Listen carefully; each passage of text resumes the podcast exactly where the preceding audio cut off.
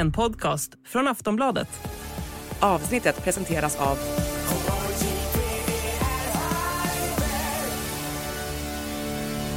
Stödlinjen.se, åldersgräns 18 år.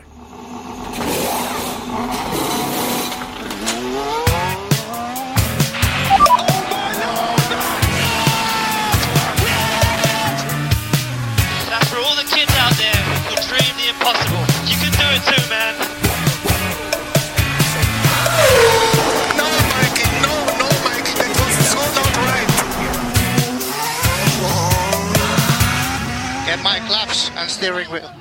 Steering wheel, claps and steering wheel here. Plattan i mattan i dina öron. Filip Lindfors heter jag och eh, med mig har jag som alltid Anna Andersson.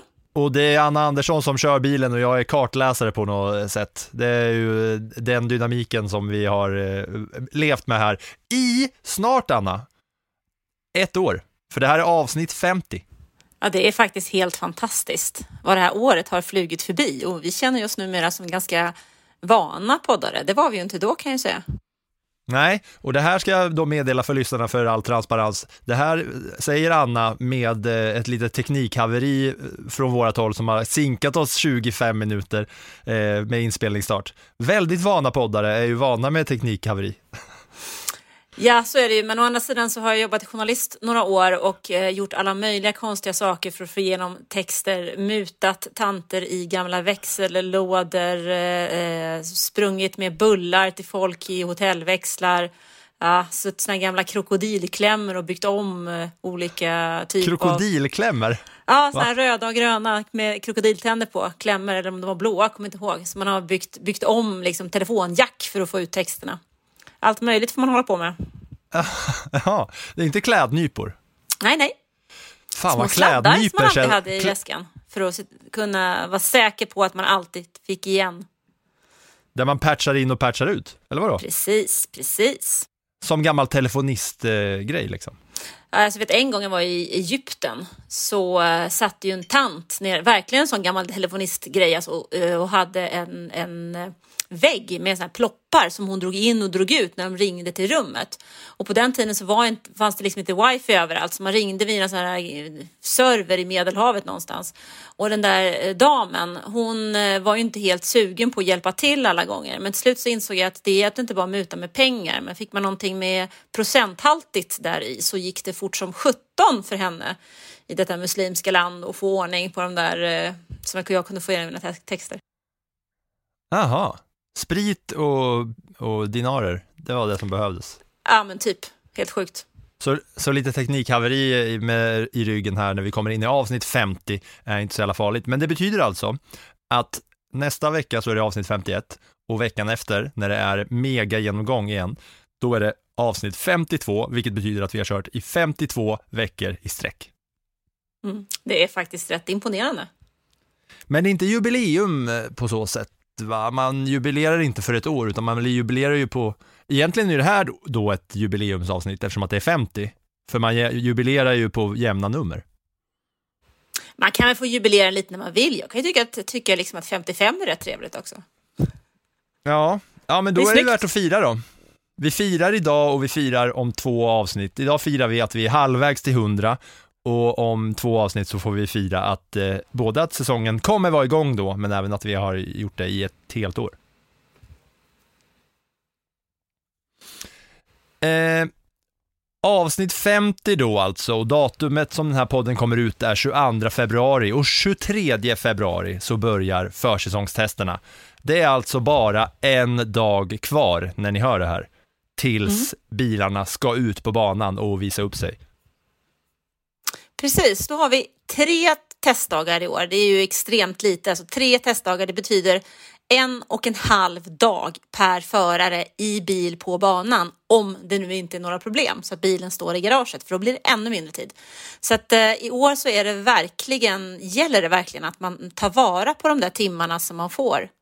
För att eh, det är Mm. inte Jag ska, mycket. ställa, jag ska ställa mer frågor till dig om eh, just eh, testerna, för att de är ju en jäkligt viktig del av eh, säsongen, för att bilarna har ju nu presenterats, men vi i förra avsnittet så pratade vi ju om de nya, eh, nya presentationerna av de nya bilarna på hälften av fältet och nu finns alla eh, där ute. De som inte hade presenterat förra veckan var alltså Aston Martin, McLaren, Ferrari, Mercedes och Alpin. Eh, och de ska vi prata om nu, för att eh, det finns ju lite att säga där. Eh, men vi börjar eh, på A med Aston Martin, Anna. En bil som förra året många tyckte var fantastiskt fin. Ja, den var ju fantastisk. Det kändes väldigt mycket sköldpadda över den bilen under inledningen av säsongen. Men sen så insåg ju de ju att de behövde göra vissa förändringar och jag tycker någonstans att under hösten, jag vet, det kändes nästan som att de kikade lite grann på McLarens uppdateringar där i samband med Singapore och sen så gjorde de lite egna uppdateringar efter det och eh, ju mer man jobbade ju bättre blev den där bilen. Så den, den känns, tycker jag i alla fall, som en... eh, Ja, det blir spännande att se vad de har gjort under vintern. För det är ju trots allt så om att om det är något team som är väldigt duktigt på att kopiera, om vi minns den rosa Mercedesen, så är det just Aston Martin. Så att om de bara får lite, lite känsla för vad de kan göra och hur de bör göra och hitta någonting rätt där så tror jag faktiskt att Aston Martin eh, har en lite positivare säsongstart än förra året, vilket i och för sig kanske inte är så svårt. Nu snackar ju du dock om liksom färdigheter och funktion på bilen, medan eh, jag är helt inne på färg och lack och eh, klistermärken och, och stripes och sådär. Men det Anna refererar till med den rosa Mercedesen, det känns som att det i folkmun heter när Race, nej det, var Force, nej, det var Racing Point när de rullade ut sin rosa bil och de bara hade kopierat rakt av i eh, Drive to Survive säsong 1 va? Ja, det var väl, eh, var det inte 2020 som de gjorde den här eh, snygga eh, rosa Mercedesen, om man nu gillar rosa. Det var som en Pink Panther ungefär, där man eh, hade kollat lite grann på Mercedes eh, och hade ett, eh, ja, framgångsrikt år. Det var väl det året som Sergio Perez tog sin första seger också. Så att de är inte oävna när det gäller den typen av arbete. Har du något du vill säga om eh, hur bilen ser ut då? Det har inte hänt jättemycket, men eh, eh, kolfiber i alla fall på, på sin plats. Ja, alltså, vad ser vi? Vi ser färgen, den är lite liknande. Vi ser eh, de här eh, sponsorerna, vi ser det gröna och det svarta. Men det jag tror när det gäller det här teamet är väl lite mer att man kanske har inspirerats av Red Bull och deras satsning i fjol känns det lite som när man tittar på bilen. Så att eh, mm, det blir spännande att se. Jag tycker det är lite svårt att sitta och bedöma för hur- utseende, ja, jo, men det kan vi väl alla tycka olika om liksom. Ja, och det är det som är så jävla fint. Därför går vi vidare till McLaren eh, ganska rappt här. För den eh, har inte heller hänt jättemycket på, men jag tycker att man ser större skillnader hur den där bilen ser ut. Det är väldigt plottrig dock fortfarande. Men det som jag kan tycka är intressant med McLaren, det är att om man tittar på hur bilen har utvecklats under de år som eh, Zac Brown har varit där så har han bara fått mer och mer sponsorer. Så han är ju en affärsman eh, och duktig på att hitta finansiärer till sitt team.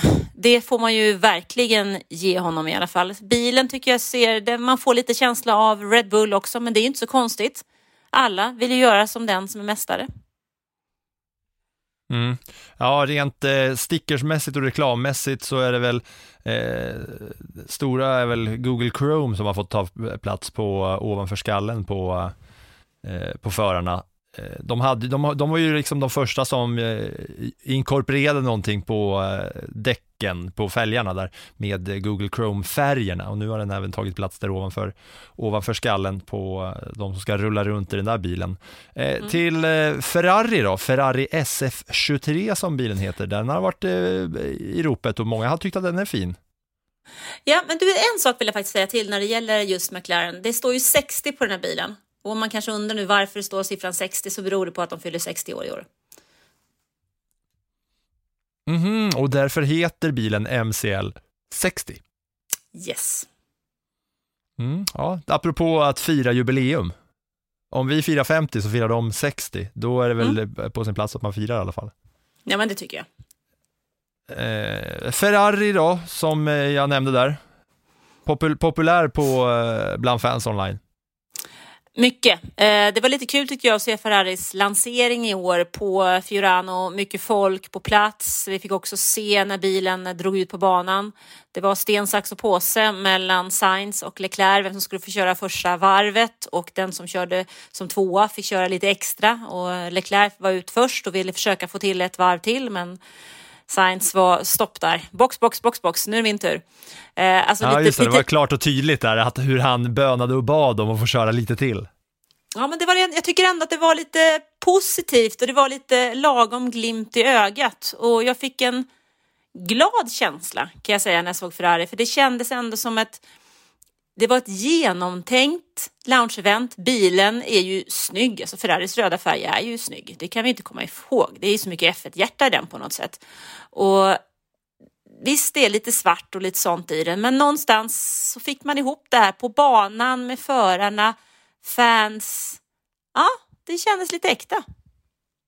Det har blivit, eh, förra årets eh, Ferrari-bil, den fejdade liksom över mellan rött och svart man ska säga, hur den, hur den liksom eh, gick över från den ena färgen till den andra. Här är det klarare, klarare och tydligare streck den här gången. Men det är den här svarta kolfibern som man ser på många av de andra eh, bilarna som är liksom klar och tydlig. Men det finns ju en anledning till det.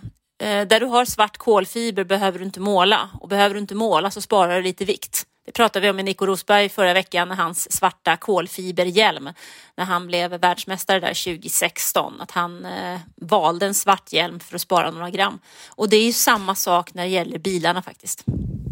Ja, det är sånt, men det är sånt eh, väldigt tydligt tema på den här lanseringen av allas nya bilar. Att det är just nu som folk har hittat hem i kolfiber Eh, färgen och att de liksom känner sig trygga med det. Liksom. Och det är, ju, det är ju som vi var inne på det avsnittet, färg kostar tid, så att säga. Mm.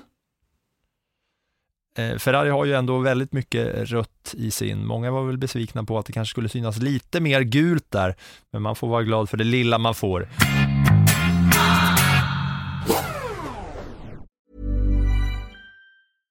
Finding your perfect home was hard, but thanks to Burrow, furnishing it has never been easier. Burrow's easy to assemble modular sofas and sectionals are made from premium, durable materials, including stain and scratch resistant fabrics. So they're not just comfortable and stylish, they're built to last. Plus, every single Burrow order ships free right to your door. Right now, get 15% off your first order at burrow.com slash ACAST. That's 15% off at burrow.com slash ACAST.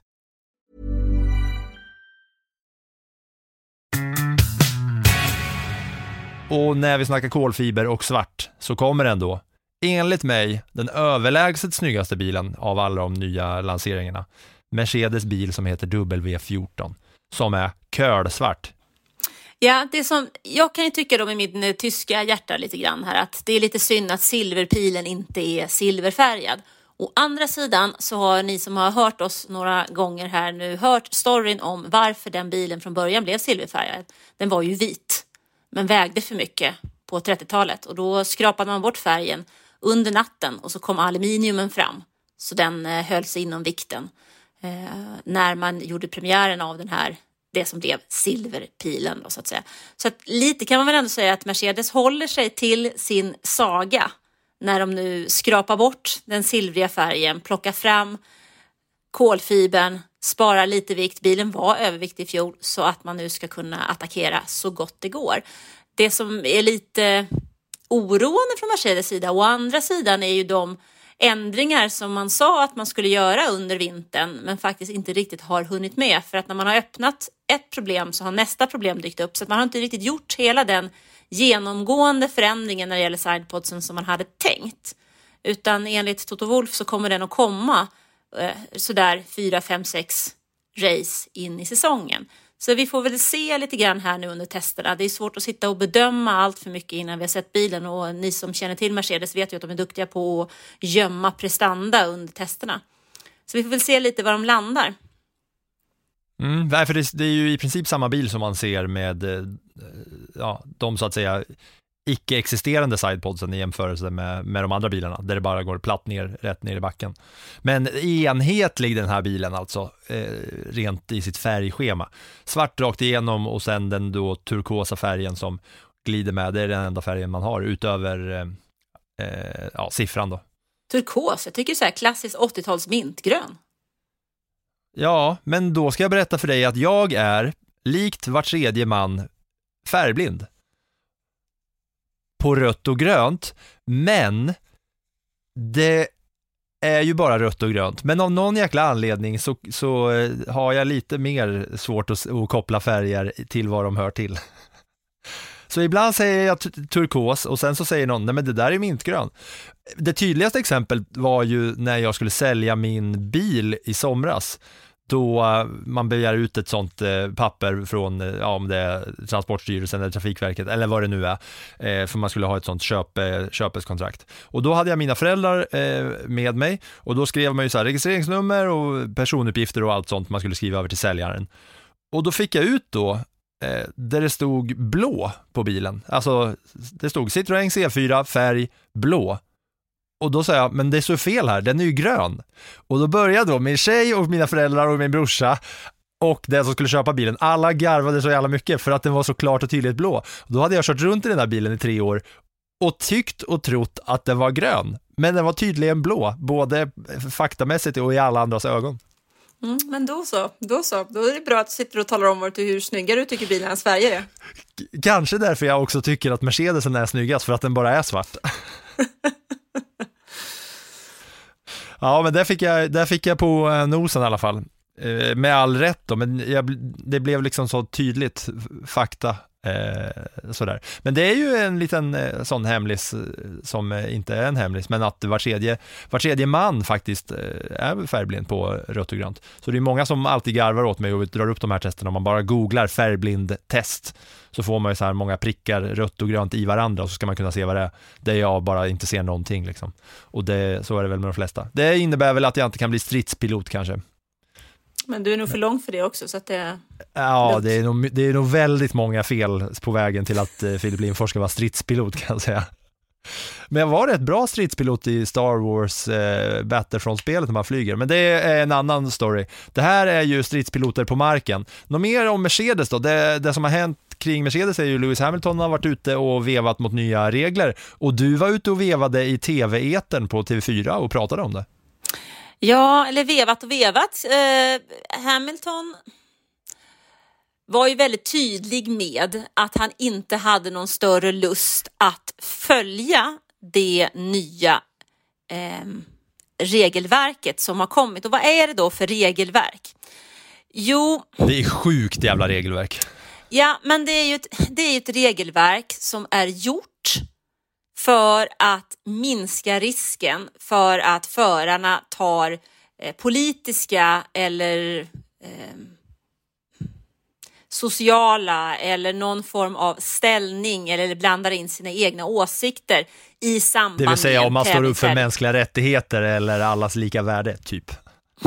Ja, alltså det finns en artikel nu som säger att om förarna gör eller visar politiska, religiösa eller personliga uttryck eller kommentarer som bryter mot i synnerhet den allmänna principen om neutralitet som främjas av FIA enligt dess stadgar så kommer de att straffas.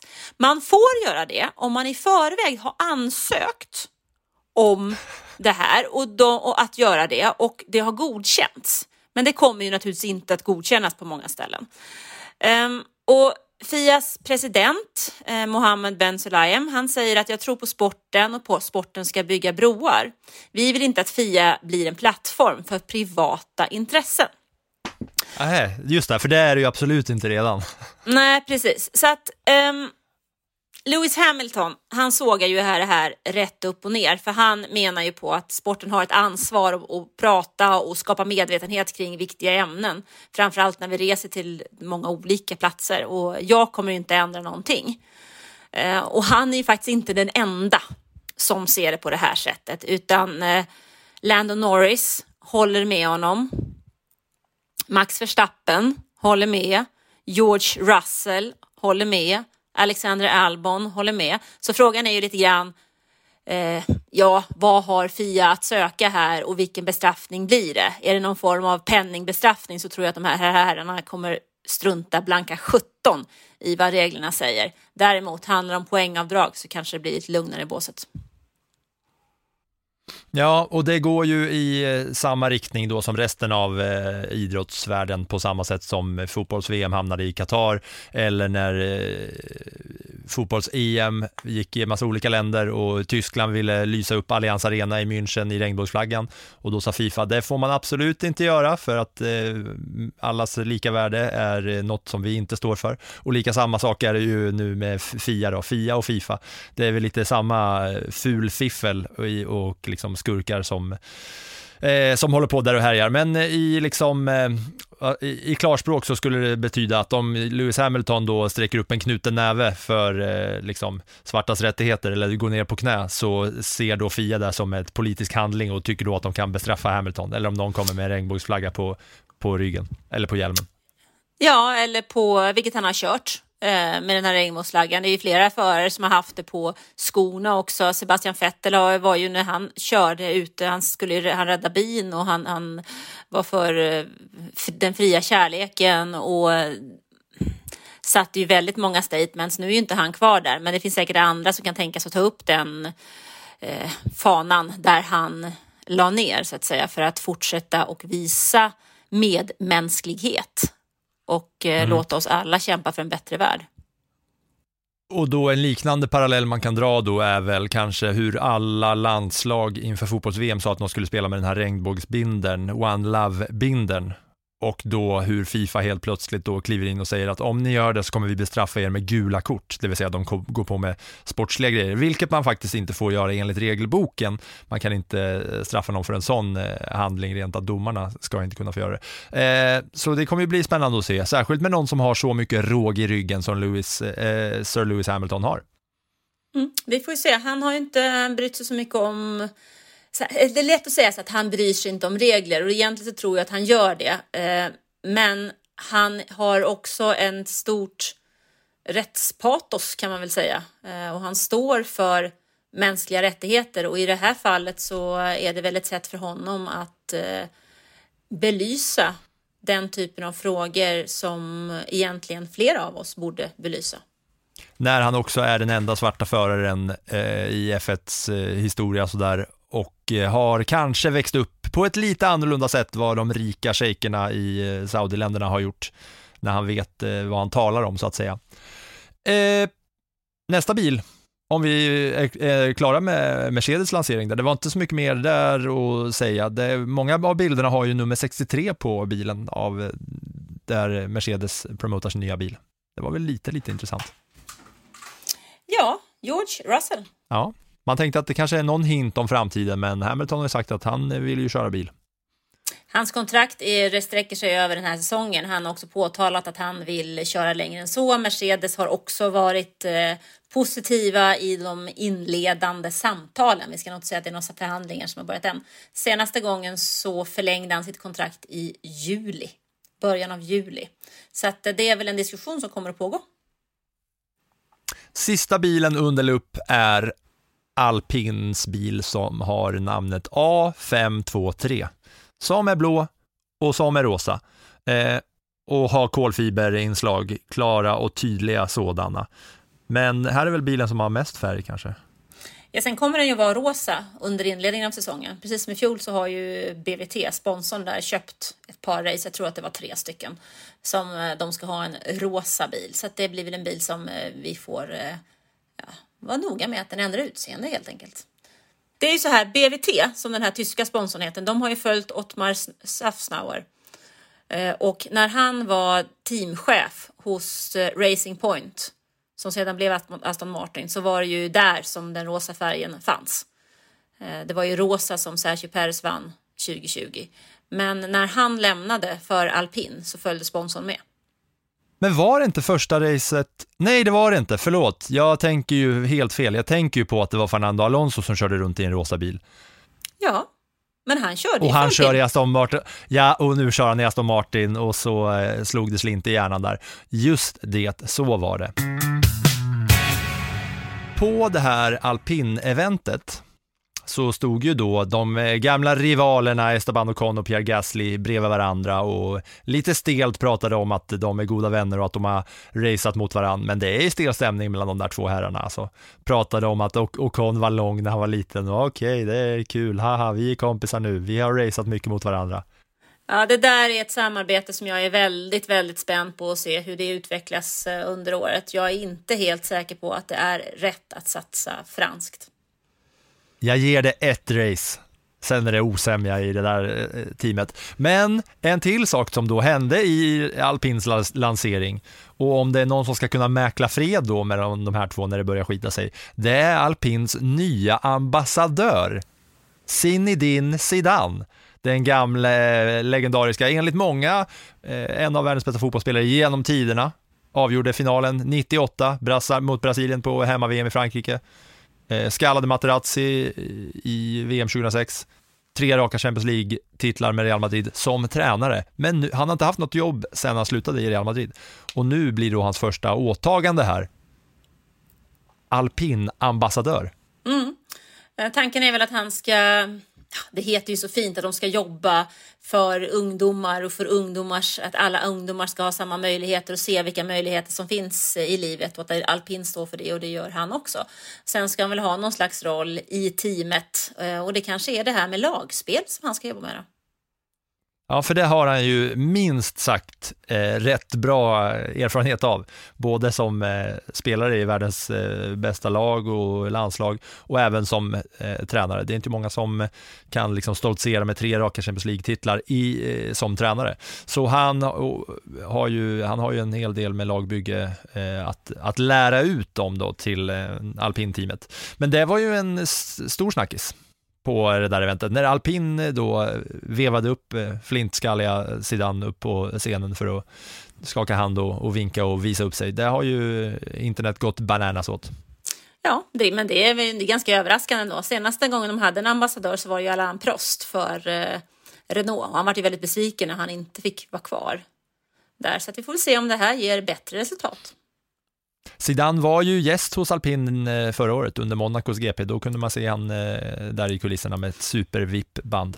Mm, men det var väl där kan jag tänka mig som samarbetet började, att de hittade någon gemensam nämnare och började prata och sen så tar det en stund innan man är överens. Mm.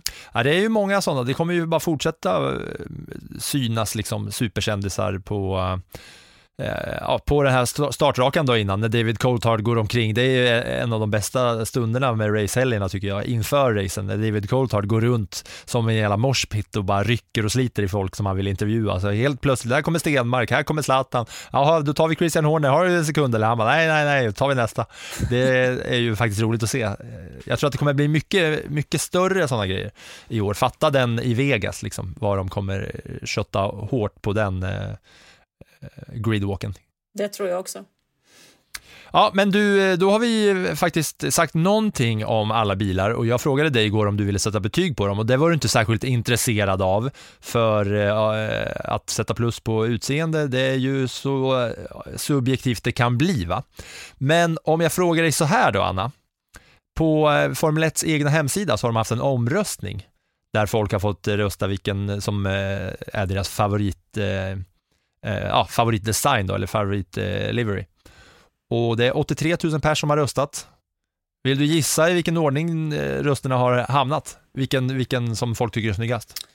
Jag tror att, nu har inte jag sett den här omröstningen, men jag ska tippa att Ferrari ligger i topp. Ferrari är tvåa med 19 procent av rösterna. Etta är en bil med 31 procent av rösterna. Det går i rak linje med vad jag tycker kan jag säga. Ja, men då är det Mercedes. Jajamän, 31 procent av 83 000 personer röstade fram Mercedes som den snyggaste. Ferrari tvåa med 19 procent. Red Bull trea på 8 procent. Eh, där hade det inte hänt mycket. Och den fulaste bilen då enligt eh, folk och fä? Ja, det måste ju vara alpin. Alpin. Ja, Alpin 3% det var snyggt gissat. 3% på alpin, 4% på Haas, som jag nu med facit i hand tycker att Haas är ju lätt fulast. Alfa Tauri näst fulast. Och så tyckte även folket efter att de tyckte alpin var fulast med 3% som tyckte röstade på den. Sen var det Haas, Alfa Tauri, Williams på 4 eh, McLaren på 6% Aston Martin kommer då eh, Nej, förlåt, jag sa Red Bull 3. Alfa Romeo eh, har dykt upp där som eh, på pallen av eh, vad fansen tycker är snyggast. 15% tyckte Alfa Romeos var, eh, var snyggast. Och det har man ju hört många säga också. Så eh, de tre snyggaste bilarna enligt F1-fansen på F1s egna hemsida Mercedes, Ferrari och Alfa Romeo. Ja, men det som, det som slår mig lite grann så här, det är väldigt mycket svart och rött i år. Eh, blir det väldigt, alltså någonstans så kan det kännas som det kan bli lite knepigt alltså att hålla koll på vilken bil det är i både halvdåligt väder men även i höga farter för att Alfa Romeo, Haas, alltså de är nära. Ferrari, det är mycket svart och, och så har du Mercedes en svart och alltså det är, det är mycket där. Ja, och när de där åker fram i, i 300 km i timmen så kommer det också vara lite stökigt.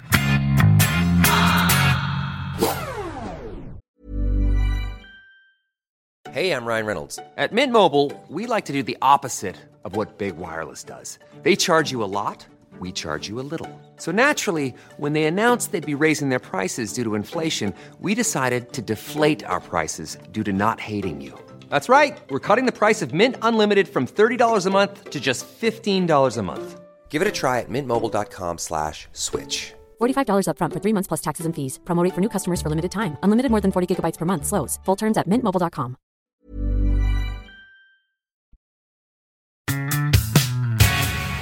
Nu ska vi snacka tester, Anna. Testerna börjar alltså imorgon när man hör det här. Och då eh, vill jag bara göra liksom klart och tydligt här nu. Vad är det som är så viktigt med de här testerna? Hur stor betydelse har de på hela säsongen? När är det dags? Hur länge får man köra? Och allt sånt. Så jag börjar med att jag ställer lite frågor till dig. Gör det så ska jag svara så gott jag kan. När är de här testerna? 23 till 25 februari. Tre dagar i Bahrain. Inte dygnet runt va? Nej, de går, alltså för vår del så blir det ju nattetid då. Men man kör igång, det är, man- har liksom bestämda tider när man får köra. Det är bestämd lunch eh, eh, mitt på dagen och sen så kör man igen efter.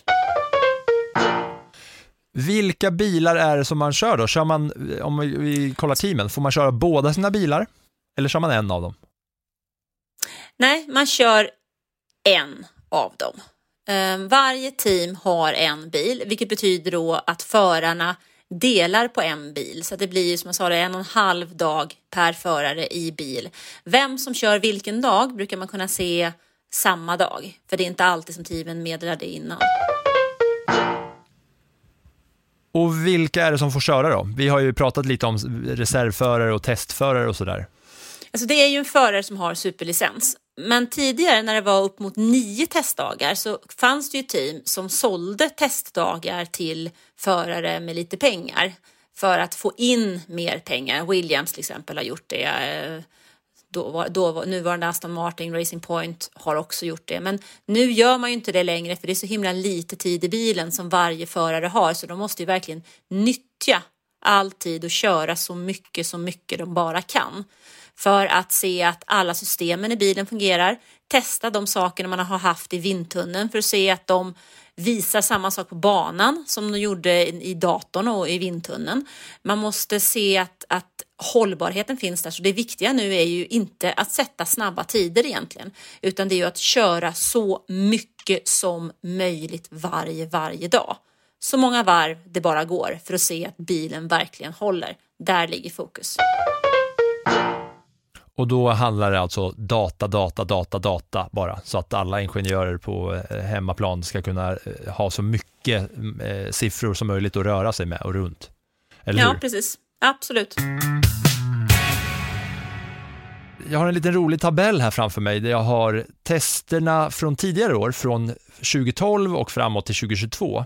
För att det du säger, det handlar inte om att sätta snabbaste tid, men jag, eh, det handlar om att få så, så mycket data som möjligt. Men här har jag då jämförelse på den som har snabbaste tid under testerna och den som faktiskt körde snabbast när själva Grand Prix var sen under säsongen. Och för, förra året var det första gången sedan 2019 som inte samma stall var snabbast på testerna och på racet. För innan så har det varit, eh, förra säsongen så var det Max Verstappen och Red Bull som var snabbast på testerna i Bahrain. Och när racet sen var så var det eh, Leclerc och Ferrari som var snabbast. Innan så var det Red Bull, Red Bull som var snabbast 2021 och eh, 2020 så var det Mercedes som var snabbast på testerna och i racet. Då var det Bottas som hade snabbaste testtid och Hamilton som vann racet. Så, så det är lite intressant att se hur det där har ändrats och om man kollar till, tillbaks i tiden. Liksom. För de här senaste säsongerna så har det eh, varit mycket samma samma, samma. Nu en liten kul grej bara jag tänker till här. Fernando Alonso, han måste ju ha kört ett par varv runt jorden i bara tester med tanke på att det liksom är ja, det är ju mer än 20 år sedan han körde sitt första F1-race. Han debuterade 2001 och nu har vi 2023. Han har visserligen varit borta no några säsonger däremellan, men alltså herregud, han måste ha kört testkilometer. Jag tror faktiskt, jag har sett en eh, sån stat under eh, senaste veckan om just Fernando Alonso, att jag tror att det är så att han har kört flera varv runt jorden till och med. Mm. Det... Rent kilometermässigt. Och sen vet jag inte om det är på träning eller om det är allting eh, inräknat. Nej, men du får ju men, du får tänka på att när han började köra så var det fri testning.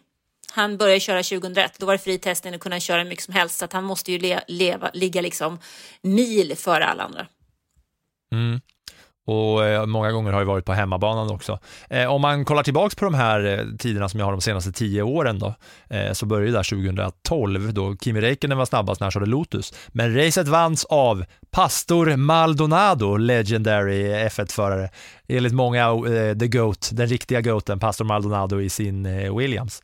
Annars är det lite fina namn här. Rosberg har varit snabbast många gånger. Lewis Hamilton har inte varit snabbast på eh, testerna någon gång senaste tio åren. Nej, men han vet väl vad han ska göra, känner jag. Det, ja, det läser inte ut någon poäng man... på testerna direkt. Nej, det gör det inte. Framförallt när man kollar på de här eh, siffrorna och ser att det är Mercedes från 2013 till 2020 som har varit snabbast på eh, banan där, där testerna eh, körs. Eh, men annars så har det liksom, ja, det har gått lite. Ferrari har varit snabbast på testerna, Williams var snabbast med Felipe Massa 2014 när det också var Bahrain.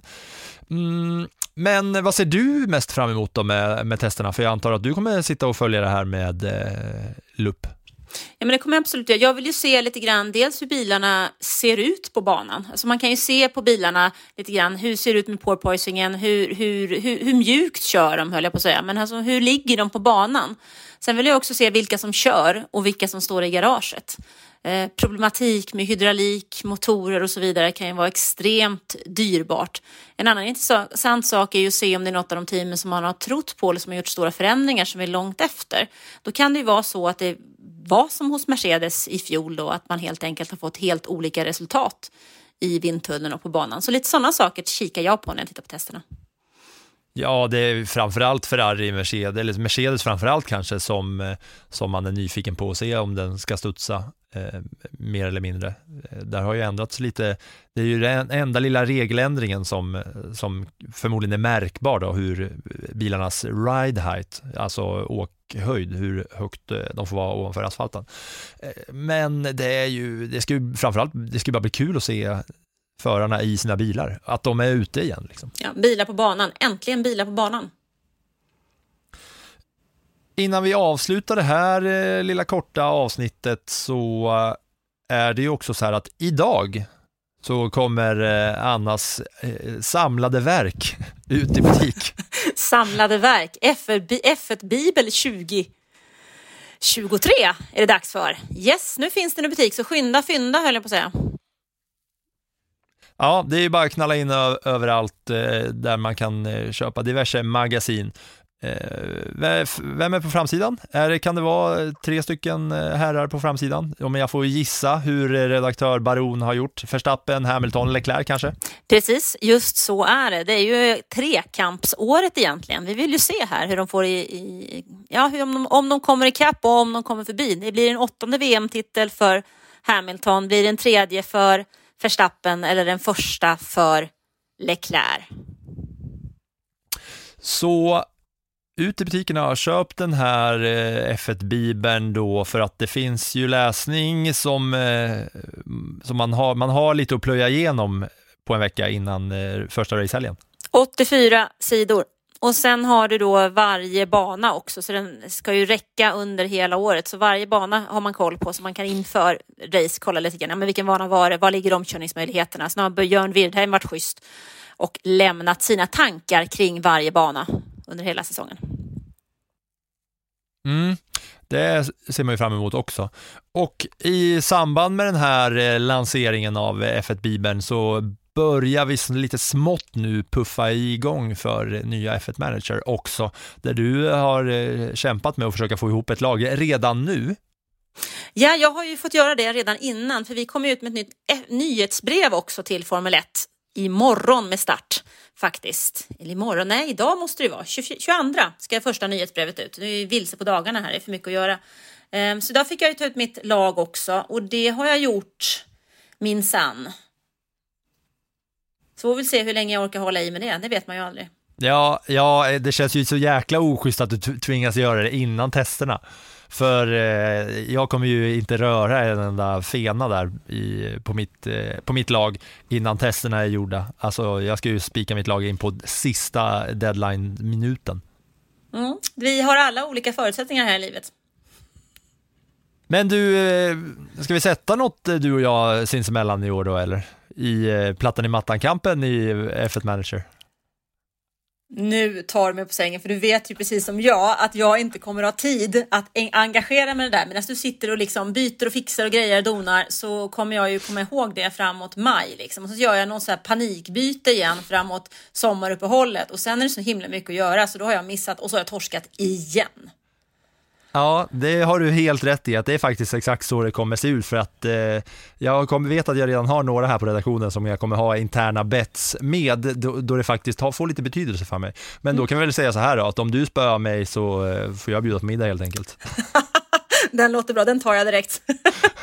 det är väl, det är väl ett okej okay odds i alla fall. Eh, men då har jag i alla fall eh, Eh, ja, då går jag in med hög svansföring. Så får vi se, det dyker väl säkert upp någon liga och vi kanske säkert måste snacka mer om det här med F1 Manager i nästa veckas avsnitt när det faktiskt är på väg att dra igång på riktigt. Börjar du mm. känna vibbarna nu, Anna? Ja, nu känns det lite. Nu känns det lite här. Det är ju dags för Drive to Survive också i eh, veckan och vi kan ju tänka tillbaka till hur säsongen var och känna att vi kommer ju ha lite spännande saker som jag tror att de kommer kunna ta upp, liksom. typ porpoising, budgettaket som Red Bull eh, bröt, Ferraris problem med eh, interna problem helt enkelt med eh, strategi, depåstopp, eh, Oscar Piastris... Kraschen på Silverstone. Ja, kraschen på Silverstone, Oscar Piastri-historien skulle jag ju vilja veta mer om, för den gick ju förbi ganska snabbt där, men jag kan tänka mig att de har kikat lite på den. Daniel Ricciardos vara och icke vara, Mick Schumacher, alltså det finns ju, ja, jag tror nog att den här säsongen blir bättre än fjolåret, för det har hänt så mycket runt ja. omkring. Jag har ju kollat på, eh, jag spelar ju mycket golf också va, eh, så jag har ju kollat på den eh, Netflix-serien nu, Full Swing, som har kommit. Och det enda jag känner när jag kollar på den är fan vad jag längtar i Drive to Survive.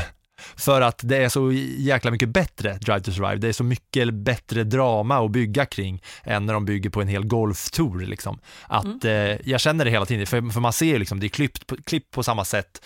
Det är, det är byggt eh, på liknande, ja, hur nära man kommer och med musiken och allt, allt det. Så känner jag bara, ja, det är, ju, det är ju synd att det är golfen man sitter och kollar på, för Drive to Survive är så mycket bättre. Ja, fredag, fredag, fredag. Då är det dags. Perfekt uppladdning till eh, säsongen. Ja, F1-bibeln i knät, eh, F1 Manager på datan och Drive to Survive på tvn inför eh, det som komma skall. Vi ska väl slå ett slag också för att vi kommer inför kvalet troligtvis ha en livechatt där Anna och jag sitter i studion här på Sportbladet och eh, kommer chatta med er alla och det hoppas vi ju då, ni som har hängt med oss eh, i snart ett års tid, att ni eh, kommer in där och kacklar lite med oss. Vi kommer köra live på TikTok och på YouTube och på våran sajt in och liksom eh, vara med oss där inför, eh, inför kvalet i Bahrain. Det, då kommer liksom Anna vara där, svara på era frågor. Jag kanske svarar på någon fråga, men för, framförallt så kommer jag ju eh, moderera och se till att Anna får eh, svara på det mesta.